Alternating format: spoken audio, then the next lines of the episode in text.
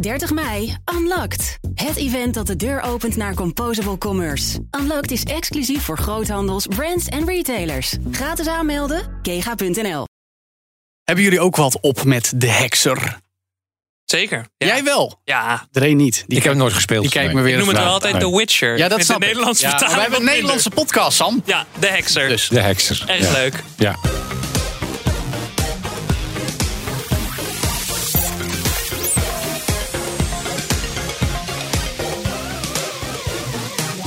Goed dat je luistert naar deze nieuwe aflevering van deze podcast dus. All in the Game, de podcast over videogames voor iedereen. Delen met je vrienden, abonneer je om op de hoogte te blijven.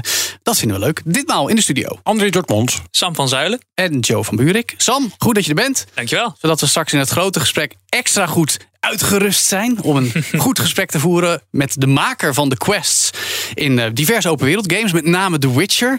En daar hadden we jou eh, natuurlijk even voor nodig. Want jij zit in die franchise. Hè? Ja, zeker. Ik heb het eh, zeker The Witcher 3 van voor naar achter eh, twee keer gespeeld. Eh, de Dat DLC erbij Oh, het gepakt. komt allemaal Dus goed. Ik ben We zijn helemaal voorbereid. voor- dat compenseert een beetje voor het Ja, ik weet van niks. Ja, top. Ik heb ook wel wat vooral meegekeken, moet ik zeggen. En in de laatste vijf minuten van deze aflevering duik ik ook nog in een herkenbare casual game van niet heel lang geleden. Maar eerst, Wat speelt er?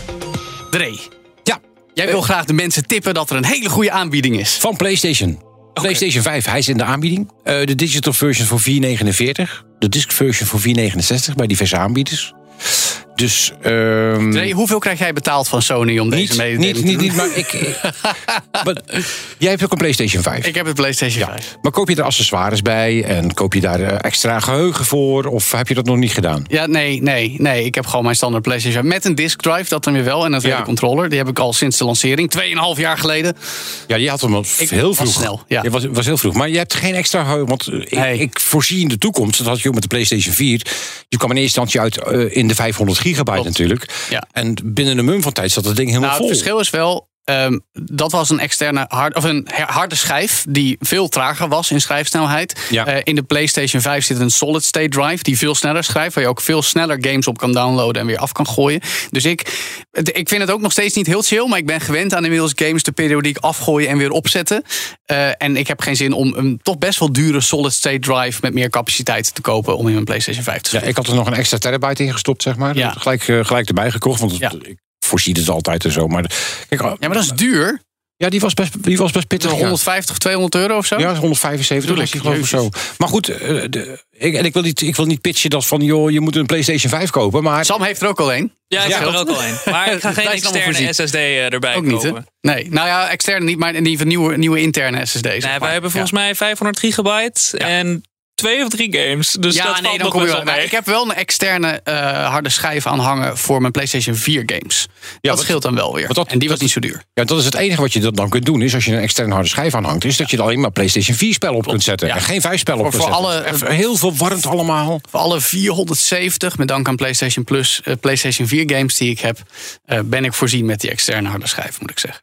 Ja, en ik, ja, ik, de, aanbieding is tot 21 juli. Dus ik zou zeggen van als je er een PlayStation 5 wil kopen, zou ik dat nu doen. En dan kun je wat extra accessoires, misschien een koptelefoon erbij. er of zijn zo. meerdere collega's binnen deze, deze muren van BNR die ik probeer te overtuigen. De grap is wel, we hebben het zo lang gehad over die tekorten hè, van de Ja, PlayStation ja, 5. nu is niet vet in de aanbieding. Nu zijn ze overal. Ja, nu wil PlayStation er bijna vanaf. Nou ja, goed, niet helemaal waar. Ook weer wel. Ze hebben in ieder geval een duidelijk idee wat we deze zomer moeten doen. Juist. Dus. ehm, ik heb eh, niet op de PlayStation 5 gespeeld de laatste tijd. Tenminste, wel Final Fantasy 16, maar de laatste tijd wat minder. Ik heb Pikmin 4 gespeeld. Welcome to the Rescue Corps.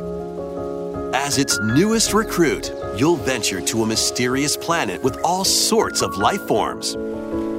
There, you'll meet plant like creatures called Pikmin. Wat hebben jullie met Pikmin? Ik heb ehm, toen Pikmin 1 uitkwam, heb ik dat gespeeld op de Gamecube. Toen was jij vijf, denk Toen ik. was ik, ja, dan misschien iets later heb ik het dan gespeeld. Maar ik was wel zo jong dat toen mijn eerste Pikmin dood gingen, ik ehm, dat best wel verdrietig vond en de controller aan mijn moeder heb gegeven. Ah. En vervolgens heb ik gewoon jaren gekeken naar hoe mijn moeder Pikmin 1 en Pikmin 2 heeft gespeeld. Dit is wel een coole jeugd. Ik wou dat was mijn heel moeder ook cool. Pikmin Ik heb ook met mijn moeder Super Mario eh, gespeeld. Ik heb heel veel meegekeken. Ik ben jaloers op jouw jeugd. Omschrijf even, Pikmin. Pikmin, ja, plantachtige, bijna mierachtige wezentjes die je in je groepje hebt en die je aanstuurt om puzzels op te lossen en vijanden te verslaan in allerlei ja, tuinachtige omgevingen. En eigenlijk een soort actiestrategie game.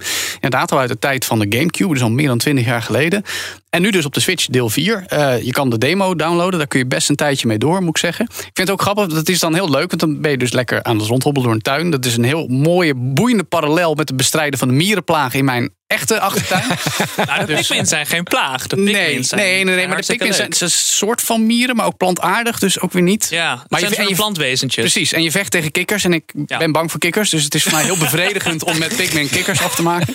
Ehm, maar goed, eh, erg leuk. Eh, die nieuwe game dus. En je hebt daar ook nog een hondje bij, Owachi. Waar je, die je dan kan gebruiken als, als pet en op kan rijden. En het is echt, ze hebben een heleboel toffe dingen toegevoegd. Leuk. Ja, dus ik, ik ben helemaal in mijn nopjes. Misschien binnenkort uitgebreider in die game duiken. Want, Met mijn moeder. Ik kan mijn moeder even uitnodigen. je kan hem co-op spelen, Pikmin 4. Nou, kijk eens aan. Dus dat kon trouwens ook al met twee. Tenminste, die kon je tegen elkaar spelen. En drie op de Wii U. Ja, op de Wii U. Dus die heeft niet heel veel verkocht. Kon je ook met meerdere spelen. Maar nu Pikmin 4 op de Switch dus. Kun je ook met elkaar spelen. Heel leuk. Ga ik ook eh, thuis doen, denk ik. Sam, wat speel jij de laatste tijd? Ik eh, heb iets uit de oude trucendoos eh, gehaald. Wel in de aanbieding eh, bij PlayStation op het moment. Dus nog een aanrader. Eh, nee, ik had eh, zin om iets te spelen waarvan ik wist... nou, dit vind ik sowieso leuk. Eh, dus ik heb de Bioshock Collection gehaald. eh, de Remastered Edition voor op de PlayStation. They told me, son, you're special. You were born to do great things. You know what? They were right.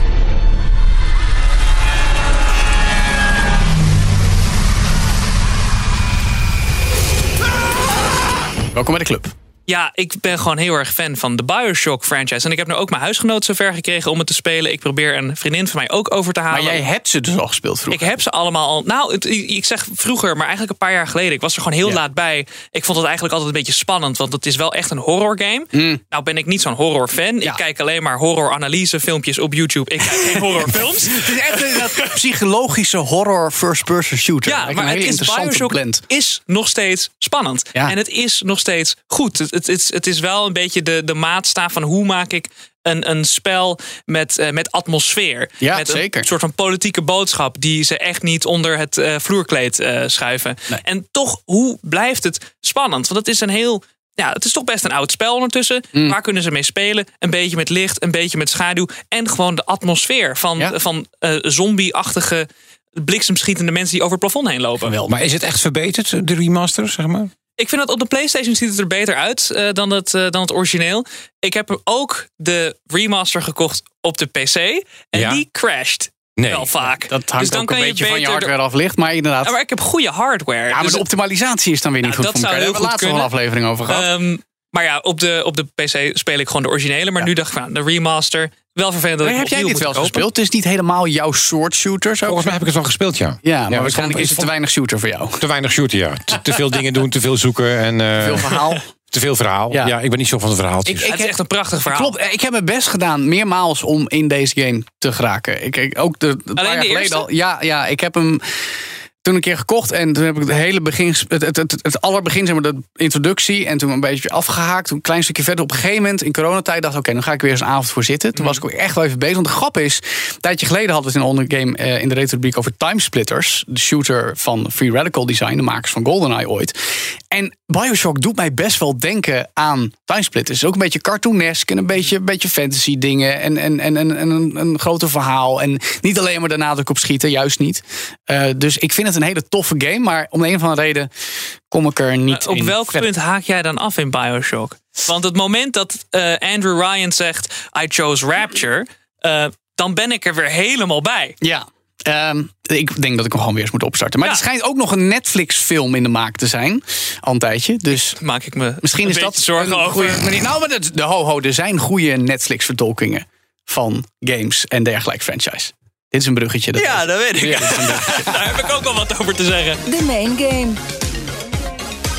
Dus gaan we het nu hebben over een heel andere franchise. Vooral bekend geworden door de games. In navolging van eerst de boeken. En tegenwoordig al drie seizoenen lang de Netflix-serie. Maar van die games, die zich eigenlijk per definitie afspelen in open spelwerelden.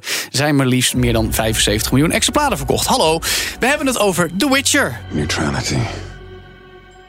It won't get you a statue.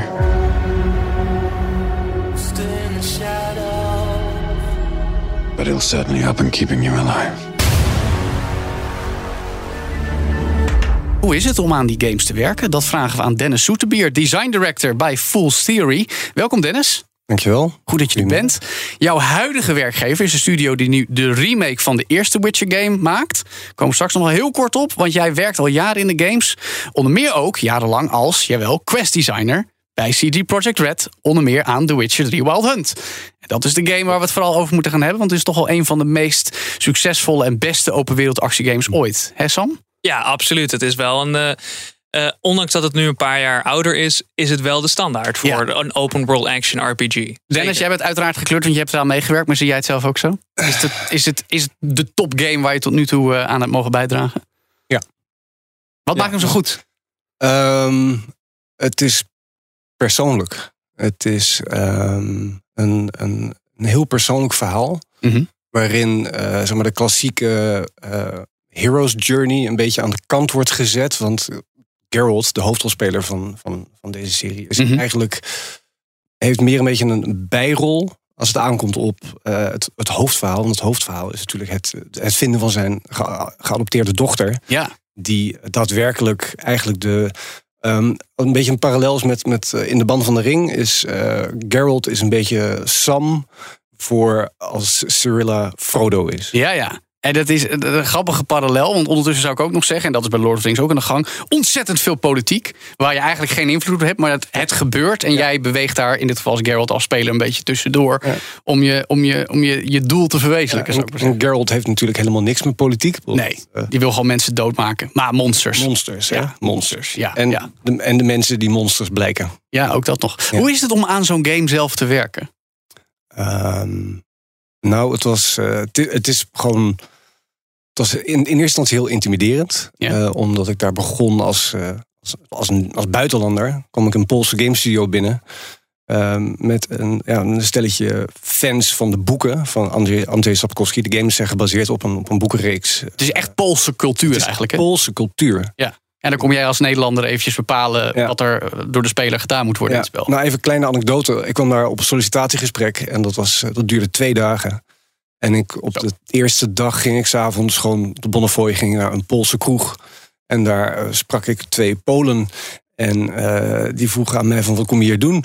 Ja, ik kom solliciteren. Oh, waar ga je solliciteren? Ja, bij CD Projekt Red. Wat? Ga je, ga je aan The Witcher werken? Ik, ja, maar hoe kan dit? Want jij bent een Nederlander.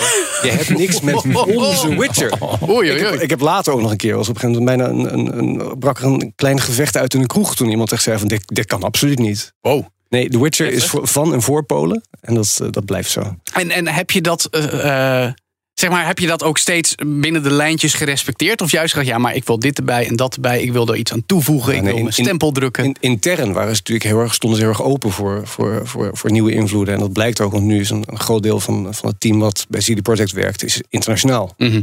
Ik was een van de eerste buitenlanders die daar begon toen de studio nog ongeveer 200 man en vrouw sterk was. En inmiddels zijn ze vervijfvoudigd. Een aantal. Wauw. Ja. Ja. Dus, eh, je bent design director, maar wat doe je dan Ja. precies daar? Wat ik nu doe is, ik werk nu aan de, aan de Witcher remake. En eh, ik moet in feite een, een team aansturen van mensen die eh, verantwoordelijk zijn voor het game design, eh, voor het quest design. En, eh, en ook in, in de lijn daarvan ook deels het combat design.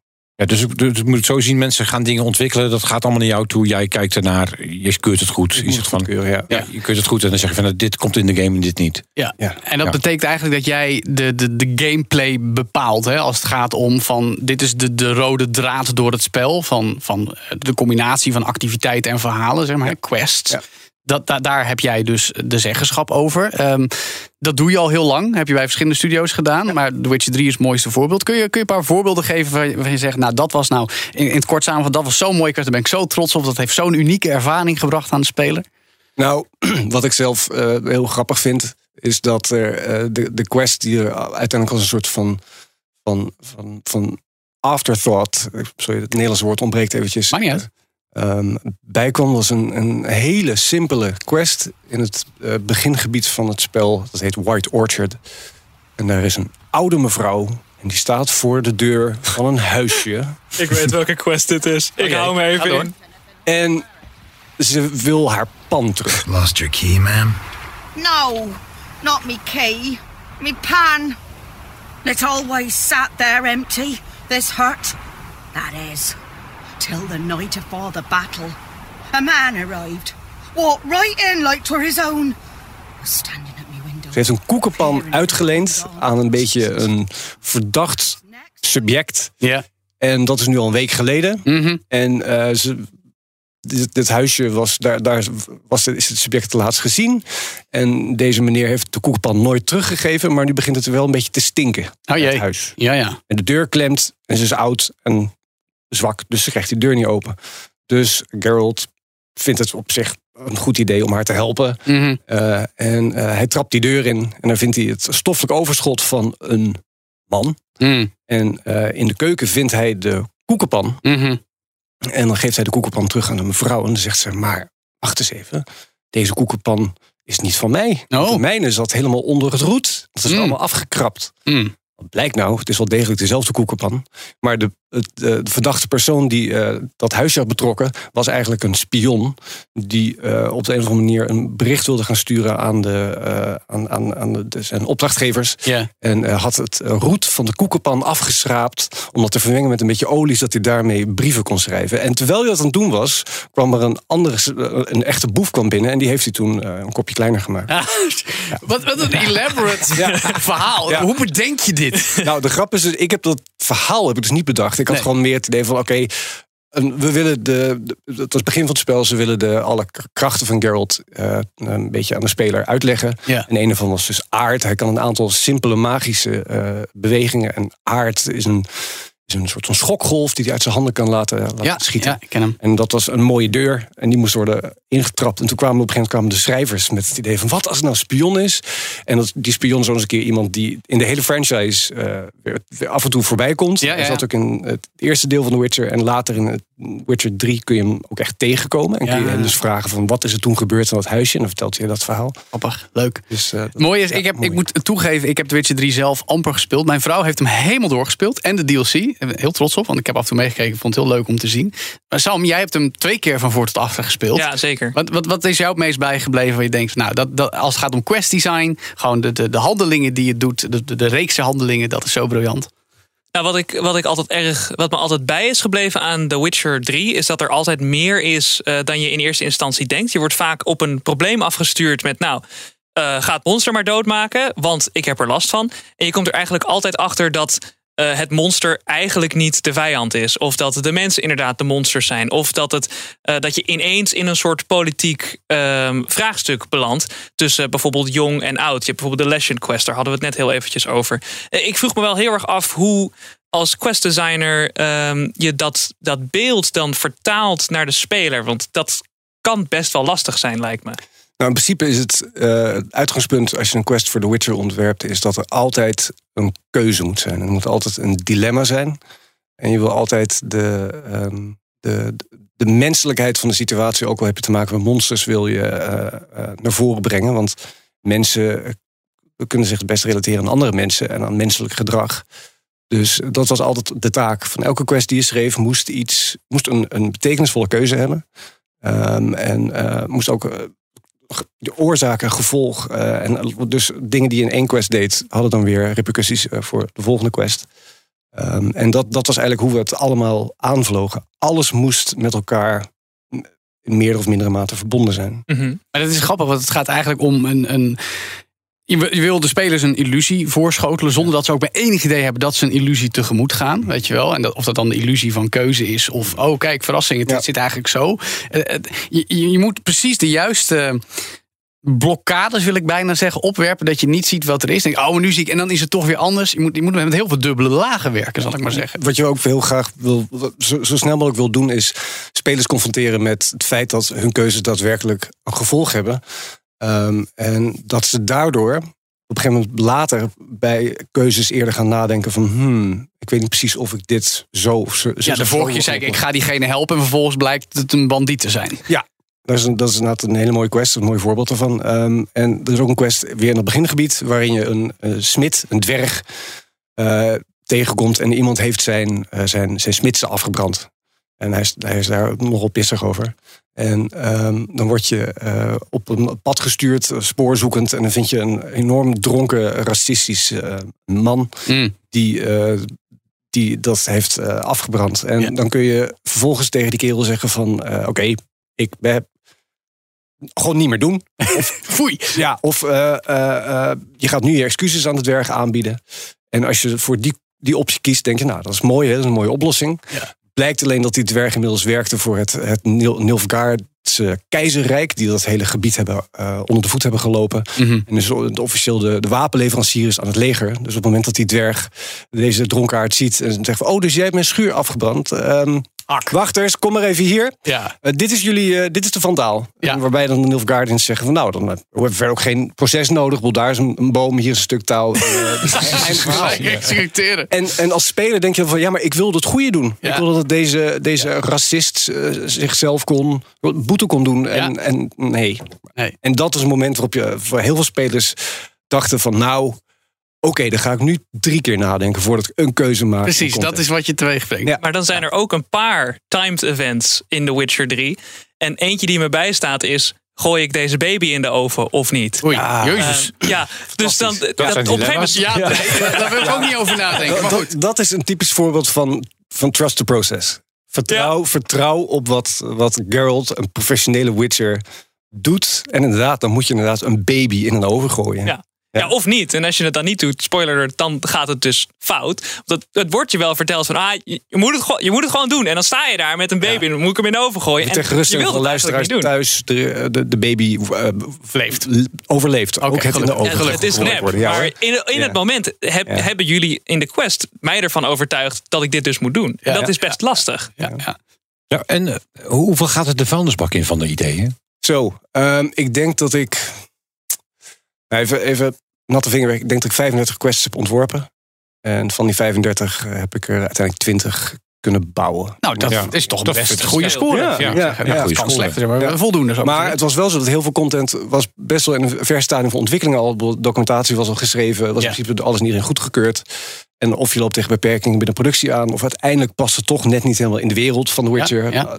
Sloeg het tonaal de plank net mis. Ja. Dus dan moet je het uiteindelijk toch, toch overboord gooien. Ja. Ik heb nog een heel mooi voorbeeld. over. Ja, ja, ja, kom maar. Doe-. Doe maar kort. Ja? Ehm, halverwege het spel eh, is er een, ehm, vindt er in het, eh, het kasteel van de Witchers, dat heet Kaer vindt er een ritueel plaats waarbij ehm, je een, een onooglijk monsterachtig wezentje moet eh, helpen om weer te genezen. Want het blijkt een vervloekt Mhm. wezentje te zijn.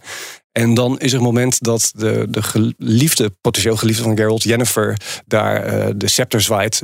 Tovenaresses in de wereld van The Witcher eigenlijk Ja. behoorlijk eh, krachtig en invloedrijk. En daar is een moment waarop zij volledig uitgeput is. En ehm, toen had ik, hadden we een klein stukje aan de quest toegevoegd... waarin je dan 's ochtends een eitje voor haar kon bakken. Oh, Dan wauw. kon je aan haar Heel vragen, subtiel. kon je aan haar vragen van, van wat, wat wil je allemaal voor ontbijt hebben? Ja, ja. En dan gaf zij een lijst met ingrediënten. En dan kon je dat daadwerkelijk ook maken. En als je dat goed deed, was ze er heel blij mee. Maar je kon het ook volledig verkeerd maken, want je had verkeerde ingrediënten. En dan was het een mislukte omelet. Dat zat erin. Uiteindelijk zei de studio director van... Tonaal, gezien het dramatische moment wat hiervoor was... is dit net iets te slapstick. Ja. Dus we gaan dit...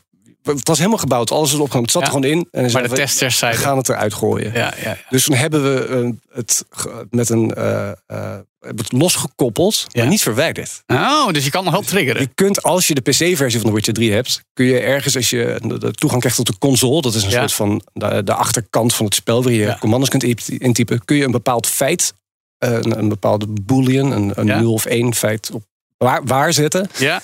En dan krijg je die scène. ja, je kan hem naar boven getoverd krijgen. Ja. Mooi. leuk. Maar dit, dit moet allemaal natuurlijk samenkomen uiteindelijk in, in één eh, levende, eh, ademende, open wereld. Eh, dus dat moet inderdaad allemaal bij, een beetje bij elkaar passen. Nou, ik denk dat The Witcher dat, dat heel goed heeft gedaan. Eh, ik denk dat Skyrim daar ook een voorbeeld van is. Maar hoe weet je tijdens de productie nou van ja, dit, dit past in deze levende wereld. en, en, en het komt bij elkaar als één geheel. En niet gewoon honderd quests die aan elkaar genaaid zijn. Daar heb je heel erg getalenteerde leidinggevenden en een aantal hele goede directors voor nodig. Die voortdurend dat overzicht bewaren en eh, gewoon voortdurend in de gaten houden wat elkaar beïnvloedt en hoe, hoe de, of, de, of de toon klopt. Dus dat, dat, wij zaten allemaal als designers gewoon met onze, onze hoofdjes in de loopgraven. Wij bouwden onze eigen content en onze leidinggevenden zorgden ervoor dat het allemaal ook, zeg maar, die hield het helikopteroverzicht, omdat Ja. dat alles bij elkaar bleef. Maar dan wil ik die gelijk even uitdagen. Want we hebben nu al een paar jaar, misschien wel tien jaar te maken, misschien wel langer te maken met de situatie dat heel veel games open wereld gaan. Eh, als feature, je kijk zo mooi, eh, tientallen, honderden uren aan content. Ja. Vaak voelt het dan een beetje kunstmatig, weet je wel, Ja. langgerekt. Ehm, terwijl juist wat jij net beschrijft, het gaat om de combinatie van handeling, narratief en beloningsstructuur, zal ik maar even samenvatten. Ehm, dat, dat, dat is toch iets wat heel veel partijen dan blijkbaar niet goed doen. Zelfs als ze enorme bud- budgetten hebben, worden er blijkbaar toch dingen gedaan of keuzes gemaakt. Of is er niet dat overzicht wat je net beschrijft, waardoor het fijn voelt om te spelen. Is het gewoon een kwestie van te veel partijen proberen dit tegenwoordig te doen en een heleboel kunnen het gewoon niet? Nou, ik denk dat heel veel partijen op zoek zijn naar eh, eh, invulling van tijd. En eh, vooral een beetje het boodschappenlijstjes-effect. Ja. Dat heel veel dingen die een open wereld doet, is gewoon vind 100 van deze objecten. Of vind. eh, Fetch quests. Fetch Quest, ja. Daar, daar maakte Witcher 3 zich ook prachtig schuldig aan met de Skellige eilanden. Daartussen heb je, ik geloof, 120 eh, smokkelaars. cash. Ja. Ja, en dat is gewoon kisten die in het water drijven. En die kun je dan kapot slaan. En dan kun je iets uithalen. En elk eh, smugglers cash op de kaart is een icoontje. Dat is natuurlijk ook een beetje het, het open wereld euvel van icoontjes opzuigen met je stofzuigertje. Ja, maar dat bedoel ik. moet Maar dit, dat- ik moet dat. ik maar dan moet moet het toch Het heeft geen. Als er dan verder niks achter zit, als- Ja. dan is het effectief gewoon een beetje betekenisloos. Ja, maar toch gebeurt het nog steeds. En, en ik hoor je net in een bijzin zeggen, en dat, dat nemen we ook al jaren waar. Dat is soms kunstmatig om mensen maar zo lang mogelijk een game te laten spelen. En weet je, nog tien uur om bij het volgende leuke stuk te komen. Maar er moet toch een soort tegenreactie op gang komen. Van jongens, dit is niet. Of, of, of, of snappen gamers het gewoon niet, weet je wel? Blijf, zijn ze niet kritisch genoeg naar games die niet goed deze structuren eh, op een prettige manier uitwerken? Snap je? Ja, ik denk op zich dat. Zijn we niet zat met elkaar, al alle generieke open wereld games? Ik weet niet, ik geloof dat, eh, dat eh, voor mij Ghost Recon hebben het volgens mij eh, heel mooi voorbeeld ge- gegeven van dat mensen het wel degelijk zat waren. Ja, nee, dat- oké, toegegeven. Maar eh, eh, laat ik het zo zeggen, bemerk jij een soort tegenreactie? Vanuit de makers ook. Van oké, jongens, we moeten even goed ons best doen. Ik zie je lachen, dat Nee, is ja, niet het zo. Is, het is meer van, vanuit ons is het. eh, wij willen gewoon dat alles bepaalde betekenis heeft. Dus als het geen, geen, geen dieper narratief doel dient, Ja. dan, doen we, dan maken we het niet. Ja. Dus, eh, Dus je doet het niet van, oké, de, de, de baas zegt van... ik wil de spelers 80 uur in deze game steken... anders krijg je minder betaald. Ik noem maar even heel kort door de bocht nee, voorbeeld. Nee, we zijn ook echt zo heel erg terug aan het. Ik merk wel een enorme tendens nu binnen eh, gamemakers. Dat we weer teruggaan naar niet van ons spel is 200 uur lang, maar meer ons spel is een zinvolle besteding van je toch al best wel beperkte tijd als speler. Ja, dat is, wel, dat is wel Ja. fijn om te horen. Ja. Ja, jij hebt dit denk ik ook. Dat je denkt van, dan wil je een nieuwe game spelen... maar denk je, waar begin ik aan... zodra je merkt dat quests veel tijd in beslag nemen. Nou ja, kijk, als ik nou. Komen we weer terug bij Destiny. Hey, Ja, daar zijn we weer. Nee, maar je- kunstmatig uitgerekte quests. ja, denk ik. ja, maar dat, is, hangt, dat, dat hangt aan elkaar van. Een, helemaal Destiny 2. Het hangt aan elkaar van losse onderdelen. Het is helemaal. Alles is los van elkaar. Heeft niks met elkaar te maken. Ze proberen een verhaal in te brengen. Dat je zit te kijken, dat je denkt. Met die, split, die cutscenes. Waar zit ik naar te kijken? Wat, Ja. wat- waar gaat dit over? En het leuke is natuurlijk. Als je dan eh, eenmaal in zo'n wereld wordt gezogen. En, je, en, en je, je blijft in die wereld. En het, is, het, het hangt allemaal samen Ja. Dat het veel interessanter is om te spelen. Maar Ja. als jij al eh, er 100 uur in moet stoppen voordat je ergens kan, kunt komen of het leuke gedeelte onder, voor je neus krijgt, ja, dat is gewoon waardeloos natuurlijk. En dat is heel veel. En dat zie je ook een beetje bij Jedi Survivor en Halo Infinite. Daar hebben ze open world er gewoon opgeplakt. En het voegt eigenlijk niet zo heel erg veel toe. Klopt. Die Zie jij dat ook zo, Dennis? beter. Er zijn er te veel games die gewoon een open wereld op, op een bestaande formule plakken als soort feature en het eigenlijk niet echt omarmen. Je hoeft geen namen en rugnummers te noemen per se. Ehm, Dat doen wij wel. hebben we al gedaan. ik, ik denk het wel. Ik denk dat, dat er nu een enorme, eh, dat er een enorme beetje me-too-tendens is van wij, kunnen, wij gaan het ook doen, want open Ja. wereld is vet. En Ja. dus wil, gaan we dat allemaal doen. Eh, Street Fighter 6 hebben het nu ook Ja, geproduceerd. Maar Ja. Ja. Ik geloof, ik heb het zelf niet gespeeld, maar Nee, het ik schijnt dat ze het eh, op een, op een Het is een beetje een, manier en, en, en- en- het is bewust dat het op een ridicule manier het doet. Zeg maar. En het is echt meer voor erbij in plaats van dat het een wezenlijk onderdeel is. Ja, maar is het, nu, is het niet ook een trend, die open world? Dat Ja, al heel iedereen wil het, ja, Ja, al heel ja, lang, ja, maar ja. iedereen wil het nu gewoon hebben. Want het, ja, dat, eh, dat is de standaard eigenlijk. Ja, nee, maar goed, daarom was mijn vraag: zijn we daar nu niet voorbij? We zijn weer voorbij de trend. Ja, precies. De, de curve gaat alweer omlaag. Gelukkig. Nou, maar Ja. dan toch, hè, om, om, om een beetje dat ook erbij te pakken. Want wat jij net noemde, Dre, je wil spelers op een bepaalde manier iets geven wat ze verwachten. Dan heb je het in dit geval ook nog eens, Dennis, over The Witcher franchise. Die mm, best wel nog gegroeid is in populariteit sinds de Netflix-serie. Ehm, Dan krijg je wat ik zou noemen nu spontaan het Star Wars effect. Dat mensen bepaalde verwachtingen hebben bij wat ze bij de nieuwe game kunnen gaan doen. Is dat lastig? Of kun je nog steeds wel echt je eigen ideeën kwijt? Eigen nieuwe originele ideeën die misschien. Of word je steeds eigenlijk meer boxed in, omdat net zoals bij Star Wars fans mensen gewoon Star Wars zoals Star Wars was willen in plaats van nieuwe Star Wars. Ehm, nou, ik zit wel eens op de, op de fora, op Reddit, kijk eens naar, de, naar wat mensen v- verwachten wordt van een, van een Witcher remake. Wat ze- willen ze graag terugzien? wat Wat, interessant. Wat is er? eh, ja, ja, ik zit daar te- regelmatig te lurken. En of je het dan weer laat beïnvloeden door de wensen van de fans die dan over een paar jaar kunnen zeggen: Kijk, dat heb ik om gevraagd. En dat is heel grappig, want, want uiteindelijk gaan we gewoon wat, wat voor ons eh, instinctief goed aanvoelt. Ja. We vertrouwen gewoon op onze eigen instincten. En natuurlijk luisteren we wel degelijk naar wat er, wat er wordt gezegd. Maar in het geval van The Witcher Remake, die kwam in 2007 uit. Het is best makkelijk om daar dingen eh, aan te verbeteren. Oké. Het was eigenlijk over de hele linie was het al behoorlijk eh, een beetje, beetje janky toen het uitkwam. Mhm. Bedoel, de wereld had, een, had een, absoluut een charme en een charisma. En eh, het was gewoon. Het, het, was een, het, het, het, het, het, het, het diende een bepaald doel. Ja.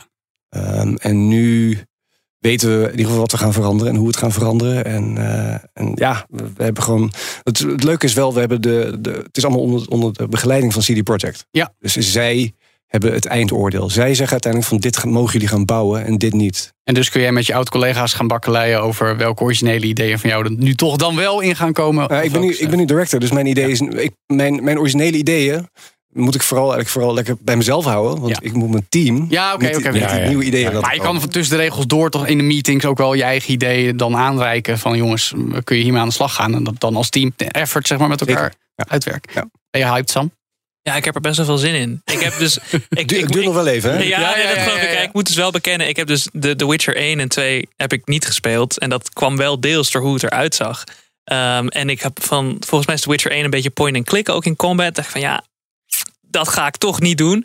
Eh, maar ik, ik, ik word hier wel heel enthousiast van. Maar ik kan me ook voorstellen dat dit soort mensen precies de mensen zijn waar, waar jullie de remake voor maken. Want The Witcher 3 heeft natuurlijk zo'n enorme eh, successen behaald qua spelersaantallen. Dat een heleboel mensen hebben nooit Witcher 1 aangeraakt. Maar nou, Witcher als franchise is gewoon vet. Het is gewoon heel erg cool. Geralt is heel erg cool. Die wereld is heel erg cool. Give me more, please. Maar dan in videogame formaat en niet in een Netflix-serie. Voel je de druk? Ja, is welke druk. Oh nee, dat is niet, nee, nee, nee, nee, nee, die, druk niet. Nee. Mooi, nou goed, dankjewel in ieder geval. Dennis Soeterbier, design director bij Fool's Theory. En nu dus aan het werk met de remake van The Witcher. Retro-rubriek. Natuurlijk blikken we ook weer even terug met een collega van BNR op een bepaald videospelletje van vroeger. Vandaag met een toch al redelijk bekende, maar ook een beetje vergeten casual game van alweer meer dan 15 jaar geleden. En iemand die daarmee is opgegroeid is onze collega op de BNR-redactie, Elvira Baan. Goed dat je bent. Hi. Ja, leuk. Over welke game gaan we het even hebben nog? Over mama cooking. Oh, kijk, dat, eh, Cooking Mama is het volgens Cooking mij. Mama, oh, Maar voor jou is het ma- fout Nee, nee, nee, maar dat vind ik leuk. Want het geeft aan dat voor jou de game zelf meer indruk heeft gemaakt dan de titel per se. Eh, speelde je op de Nintendo DS, denk ik. Dat deed ik, ja. En het grappige is, dat ging ik dus altijd doen. Als mijn moeder ging koken, dan mocht ik even een half uurtje zelf koken op mijn Nintendo DS. Ja. Ehm, En dan was jij gewoon aan het virtueel aan het koken, terwijl er in het echt ook gekookt werd. ja, en daarna kon ik lekker aanschuiven aan tafel. Ja, en wat was er zo leuk aan die game voor jou? Nou, ik begon vaak met mama cooking. Ik had echt duizenden spelletjes. Want mijn moeder, ja, het is eigenlijk wel heel grappig. Mijn moeder die was soort, hoe gaan we het noemen? Zij had heel veel van die illegale spelletjes op haar. eh, Ze, ze wielden en deelden in Ja. gedownloade Nintendo DS Ah, games. die heb ik ook nog wel gehad. Oh. Zo'n, eh, met 100, 100, 120 spelletjes erop Ja. in één keer. ja, ja, ja, ja. ja nee, Precies, dus mijn moeder was de vrouw van het dorp waar alle kinderen naartoe kwamen om hun spellen te komen. Dus ze was altijd weer van, ja, en wanneer is jouw moeder dan eh, vrij? Of kunnen we even een half uurtje langskomen? Zeg ik, oh ja, kom maar langs. eh. Je had iets wat andere mensen in de klas ook heel graag wilden hebben dus. Precies. Ja.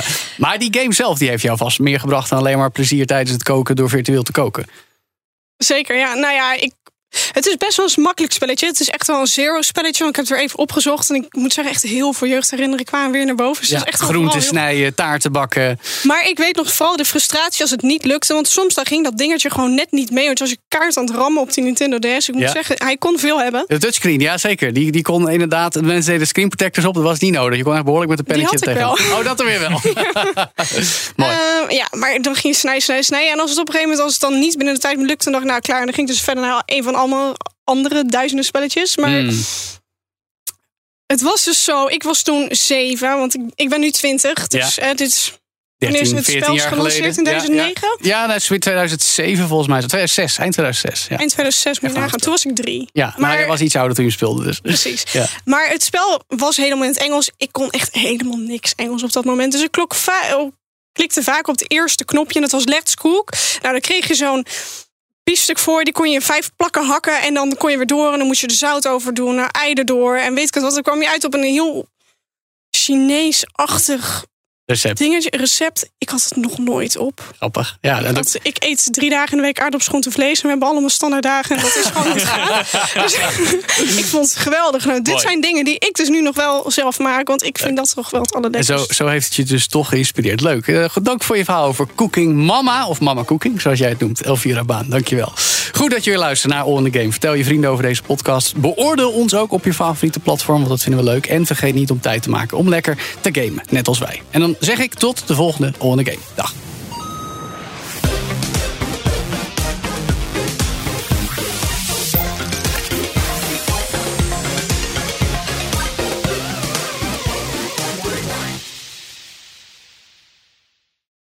30 mei, Unlocked. Het event dat de deur opent naar Composable Commerce. Unlocked is exclusief voor groothandels, brands en retailers. Gratis aanmelden, kega.nl.